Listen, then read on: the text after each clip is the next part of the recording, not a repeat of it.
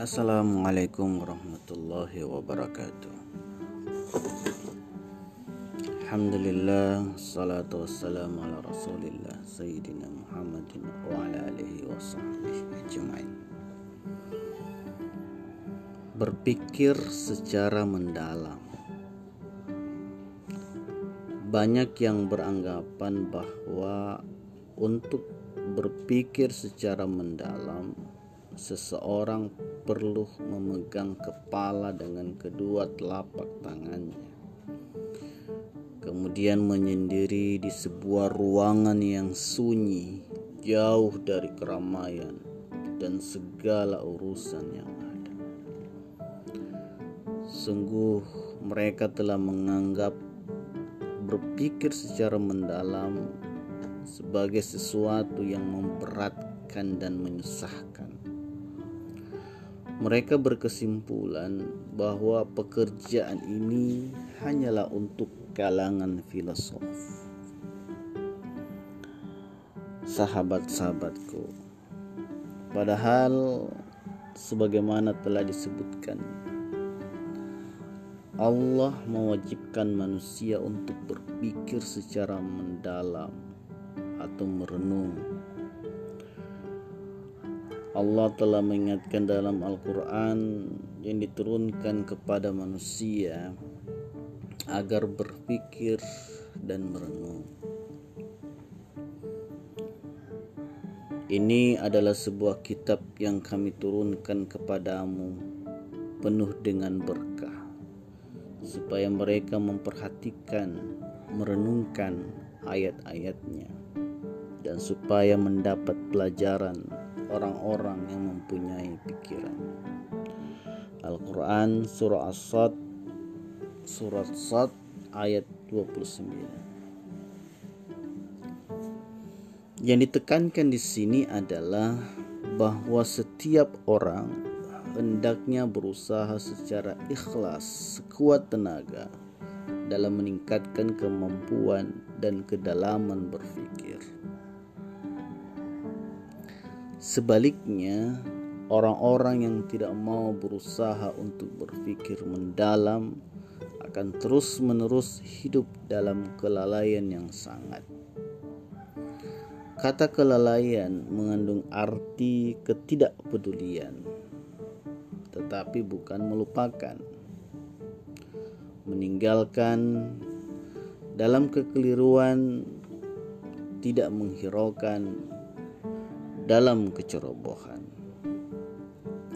Kelain manusia yang tidak berpikir adalah akibat melupakan atau secara sengaja tidak menghiraukan tujuan penciptaan diri mereka serta kebenaran ajaran agama. Ini adalah jalan hidup yang sangat berbahaya yang dapat menghantarkan seseorang ke neraka. Berkenaan dengan hal tersebut, Allah memperingatkan manusia agar tidak termasuk dalam golongan orang-orang yang lalai. Al-Quran Surah Al-Araf ayat 205 disebutkan dan sebutlah nama Tuhanmu dalam hatimu dengan merendahkan diri dan rasa takut dan dengan tidak mengeraskan suara di waktu pagi dan petang dan janganlah kamu termasuk orang-orang yang lalai. Dalam Al-Quran Surah Maryam ayat 39 Dan berilah mereka peringatan tentang hari penyesalan Ketika segala perkara telah diputus Dan mereka dalam kelalaian dan mereka tidak pula beriman. Sahabat-sahabatku, dalam Al-Quran Allah menyebutkan tentang mereka yang berpikir secara sadar, kemudian merenung dan pada akhirnya sampai kepada kebenaran yang menjadikan mereka takut kepada Allah. Sebaliknya, Allah juga menyatakan bahwa orang-orang yang mengikuti para pendahulu mereka secara taklid buta tanpa berpikir ataupun hanya sekedar mengikuti kebiasaan yang ada berada dalam kekeliruan. Ketika ditanya, para pengekor yang tidak mau berpikir tersebut akan menjawab bahwa mereka adalah orang-orang yang menjalankan agama dan beriman kepada Allah, tetapi karena tidak berpikir mereka sekedar melakukan ibadah dan aktivitas hidup tanpa disertai rasa takut kepada Allah.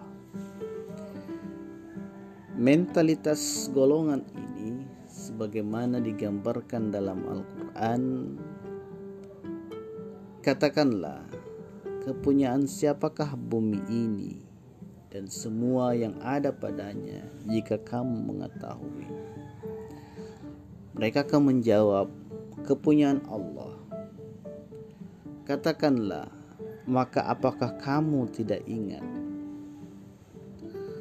Katakanlah, "Siapakah yang mempunyai langit yang tujuh dan mempunyai aras yang besar?"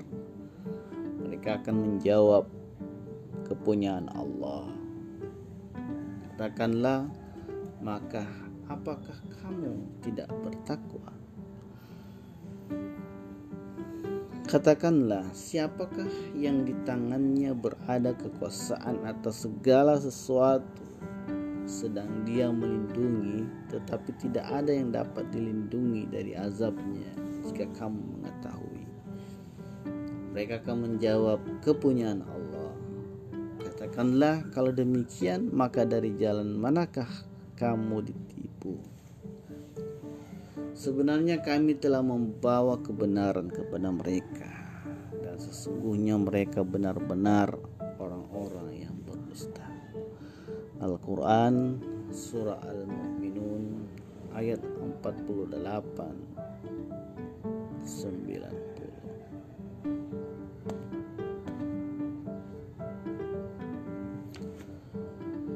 Saya Muhammad Faisal. Assalamualaikum warahmatullahi wabarakatuh.